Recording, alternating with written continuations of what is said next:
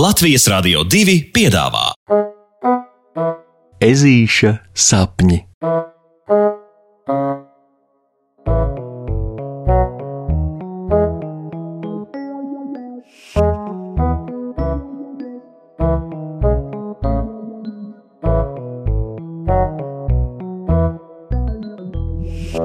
Ezītis un labais lepnums. Puksītis ēd brokastis, snīpi pret griestiem izslējas un nebilstams ne vārda. Viņš neatbild ne uz tēta jautājuma par to, vai auzu pārslu putra ar lāceņu ievārījumu ir gana garda, ne par to, vai viņš ir sakārtojis skolas somu. Puksītis klusē. Tev viss ir labi? aizdomīgi prasa tētis. Ko tu uzvedies kā tāds pāvs? Pāvs? Pēc šāda jautājuma jau nu gan ežulis uzlūko tēti ar stipri pārmetošu skatienu. Kāds vēl pāvs? Kas puksītis par pāvu? Ne viņam milzīga aste, ne garš zilgan zaļš kakls. Es neesmu nekāds pāvs. Puksītis saka tētim pieri saraucis. Es esmu lepns. Un ezīša snīpis atkal pavēršas pret griestiem. Bet tad jau kā reizi tieši pāvs to arī esi. Saproti, ir tāds teiciens, lepns kā pāvs. Tētis smaida un turpina savu sakāmo, pēc puksīša domām nesaprastams itin neko. Es neesmu lepns kā pāvs, es esmu lepns kā puksītis, un arī tev tādam vajadzētu būt. Man ar? Jā, pilnīgi, absolūti un galīgi lepnam kā man, jo mūsu valstī tuliņ būs dzimšanas diena, un skolotāja meža cūka Loreta teica, lai nu par ko, bet par savu valsti mums ir jābūt dikti lepniem. Ezītis nober pārliecinoši piesistams vēl ar dakšiņa skātu pa galdu un izsliedams snīpi tik strauji un augstu pret griestiem, ka viņa krēsls sazvārojas un puksīts ar to visu noveļas vēkšpēdus uz zemes. O, o! Tētis jau grasās ežulim palīdzēt piesvemties kājās, bet tā kā puksītis nu ir lepns, tad viņš atgaiņājas no tēta palīdzības un ceļas kājelēs pats. Tētis mirkli pasvārstījies, kā reaģēt uz ezīšu izdarībām, izlemj spēlēt lepnības spēli līdzi ar puksīti un arī uzšauj degunu pret griestiem. Nu, abi stāv līdzās, briesmīgi lepni. Un, eh, un eh, kas ar to sajūtu jādara tālāk? prasa tētis.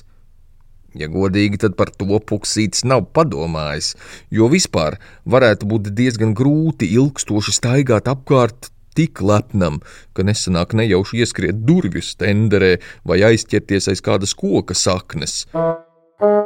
O, es nezinu, Puksītis atzīstas un slepeni uzlūko tēti, kurš degunu turpina būt izslēdzis stipri augstu, un vēl arī ķepas ir sakrustojis uz krūtīm.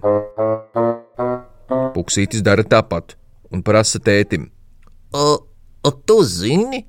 Te tētis sāk ķiķināt un uzlūko savu mazo ežu puiku ar mīlestības pilnām acīm. Man liekas, ka zinu gan, mums šis lepnums ir jāpārvērš labajā lepnumā. Kur?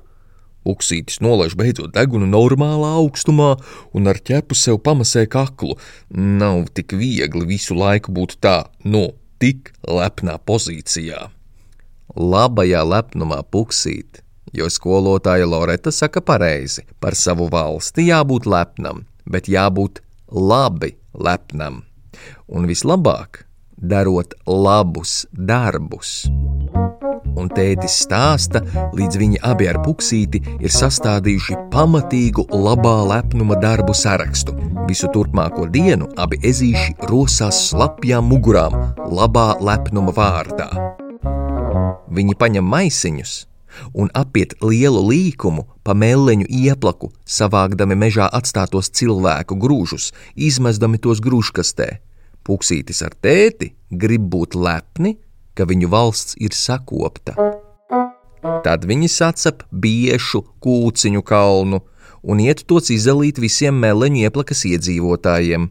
Puksītis ar tēti grib būt lepni, ka viņu valstī dzīvo dāsni iedzīvotāji.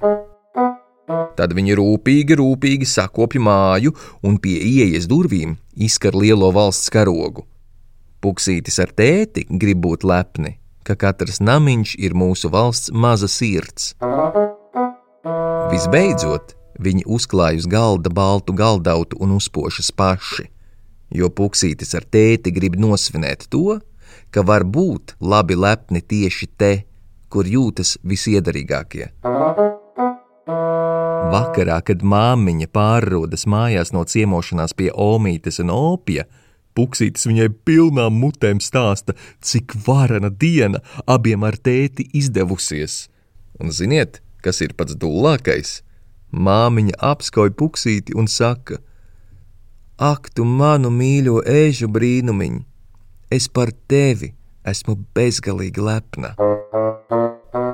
Vakarā, kad puksītis jau laižas saldā, varenās dienas izskaņas miegā, viņš smaida jo zina, ka ar labiem darbiem var lepoties nevien pats, bet palīdzēt labi lepniem būt arī citiem. Un tā ir viena brīnišķīga sajūta - būt daļai no kaut kā liela, bezgalīga un labiem darbiem vienota pasakas beigas. Hei, ar labu nakti! Lā.